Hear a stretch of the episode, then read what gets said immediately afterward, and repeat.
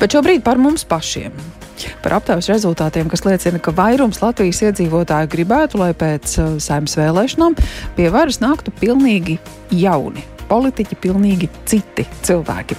Šāds uh, SKDS veikts pētījums, aptauja, kuras uh, datus lūksim komentēt SKDS pētījuma centra direktoru Ārni Kaktiņu, kurš šobrīd pie mūsu tālruņa. Labdien! Sveicināti, sveicināti. Vai tas tāds mūsu valsts uh, fenomens, uh, ka ko līdz jaunas vēlēšanas uh, daudzi cilvēki grib, lai atkal ir citi politiķi, nevis tie, kurus mēs jau pazīstam? Nu, es nezinu, vai, vai tas ir tikai tāds mūsu fenomens, bet nu, iespējams, ka šādu apzīmējumu mēs varam te lietot. Respektīvi, tas ir tas, ko mēs aptaujās regulāri redzam jau no vēlēšanām uz vēlēšanām, no vienas sezonas uz otru sezonu, un tam ir izskaidrojums, kāpēc cilvēki grib kaut ko jaunu. Tāpēc, kad mums ir atkal kādi citi jautājumi, cita aptauja dati, kur vietā mēs te regulāri pat katru mēnesi mēram un ko mēs redzam. Un tas ir ļoti, ļoti ilgstoši. Mēs redzam, ka absolūti lielākā daļa iedzīvotāji nav apmierināti ar stāvokli valstī, viņi nav apmierināti ar to virzienu, kur viņa prāt attīstās Latvija.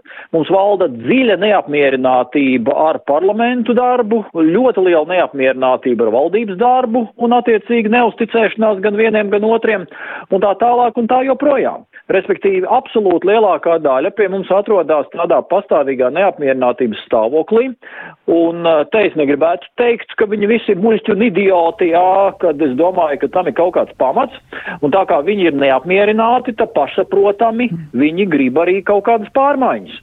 Un tas ir tas, nu, ko mēs redzam šajos aptauju datos, ka divas trešdaļas saka, ka, nu, te būs vēlēšanas, bet vispār jau mēs gribētu, lai tur tā vara mazliet, lai tā nevis mazliet, bet tā vara diezgan būtiski pamainītos, jo mums nav paticis, kā ir strādājuši tie, kas līdz šim pie varas ir bijuši. Nu, neapvainojot šo cilvēku vēlmi, uh, vai tie tomēr nav grābekļi, uz kuriem kāpjam atkal un atkal, mēģinot atrast uh, nu, tādus maģiskus situācijas, Latvijas glābējus, tos jaunos, kuri noteikti visu darīs labāku, kur izrādās, ka nu, tas tā neīstenojas. Nē, es negribētu piekrist. Es domāju, ka Latvijas problēma ir tieši otrāda. Jo, ja mēs, eh, nu labi, iepriekšējās vēlēšanas bija varbūt mazliet atšķirīgas, jo tādā ziņā tas tautas izmisuma līmenis bija tik liels, ka liela daļa nobalsoja pa KPV, JKP jaunām partijām, un tad zinām, ka KPV jau tur sāka dezintegrēties šķiet mēnesi pēc vēlēšanām. Bet citādi, ja mēs skatāmies lielās līnijās, tad mēs nevaram runāt, ka Latvijā mums strādātu šis tradicionālais svārsts, kad ir pozīcija, opozīcija, sabiedrība ir absolūti neapmierināta, un tie, kas ir bijuši pie varas, viņi lielā mērā vai pilnībā zaudē, un vietā nāk citi. Gluži otrādi. Mēs redzam, ka liela daļa partiju politiķu, viņi tur kā jau vecos laikos ir iesēdušies tajos krēslos, tā viņi arī tur sēž. Tur viltīgā veidā tiek mainīti partiju, partiju apvienību nosaukumi un visādas tur transformācijas un mutācijas iekšējas, tā teikt. Uh, nu, tagad jaunā vienotība, vai jaunajai vienotībai ir kaut kāds sakars ar to iepriekšējo veco vienotību. Nu, nu nē, taču tā ir pilnīgi jauna partija. Bet, nu, nē, nu, cilvēki jau nav tādi muļķi un tādi aitas, jā, viņi jau redz, kas īstenībā notiek. Tā kā es domāju, ka šeit nav runa par to, ka te kāpj uz jauniem grābekļiem, patiesībā tas ir mazliet tāds izmisums izmisuma sauciens saistībā ar to, ka Latvijā, diemžēl, šeit mums jaunajos laikos šī politiskā sistēma ir strādājusi. Nu, jā, ne tikai pieminētā partija apvienība, ir arī citas, kur uh, cilvēku migrācijas pie uh, cita nosaukuma politiskā spēka ar uh, domu, ka tas varētu būt spēcīgāks un palīdzētu nonākt um, atkal saimā. Nu, tas ir pie mums vērojams process. Uh, tiesa, šo visu klausoties, Jānis arī raksta un skatoties arī aptaujās, varētu teikt, ka diezgan stabila ir arī tā atlikusī viena trešdaļa, kurā ir gan cilvēki, kuri gribētu, lai paliek tās pašas partijas un politiķi, gan arī tie aptuveni 20%, kuri godīgi saka, nu, ka viņiem grūti pateikt. Jā, un te īstenībā ir tāda šķietama kaut kāda pretruna, ja mēs skatāmies, teiksim, uz tiem partiju reitingiem, ko viņa mums vēst, jo viņa mums saka, ka nu šajā vēlēšana sezonā jau tomēr izskatās, ka tur uh, stiprāka pozīcija un augstāki tie popularitātes stabiņi pie varas esošajiem. Un tad iznāk kaut kā pretruna. No vienas puses mums aptaujās lielākā daļa saka, ka viņi grib kaut ko jaunu, no otras puses, nu, un to arī mēs redzam šajā pašā aptaujā, ja mēs te krustojam jautājumu savā starpā, kad liela liela daļa no tiem, kas saka, ka balsos pa vecajām partijām, tad, tad īstenībā grib kaut ko jaunu. Nu, nu kā tā būtu? Nu, pretruna. Nu, ja gribat kaut ko jaunu, tad balsot pa jaunām partijām. Taču uh, tā pretruna atrisinās tādā veidā, kad, uh, nu, lai cilvēks varētu nobalsot vismaz lielākā daļa par kaut ko jaunu, viņam jau tomēr ir svarīgi gūt pārliecību un redzēt, ka tie nosacīti jaunie ir labāki par vecajiem, ka viņi ir varas cienīgi. Un te man jāsaka, ka liela daļa no šīm jaunajām partijām, jaunajiem politiķiem, jaunajiem cilvēkiem, kas mēģina piestartēt vēlēšanās, nu, šo testu īsti neiztur vēlētāju acīs. Jā. No vienas puses vēlētājs grib kaut ko jaunu, bet tad viņš paskatās uz tiem jaunajiem un redz, ka, nu, nē, izskatās, ka šitie te būs vēl sliktāki par tiem vecajiem, jā. Nu, un tad, tad, nu, racionāli pieejot, nu, ņem un mm. tomēr izvēlās un nobalso pie tiem, kas jau ir bijuši pie varas.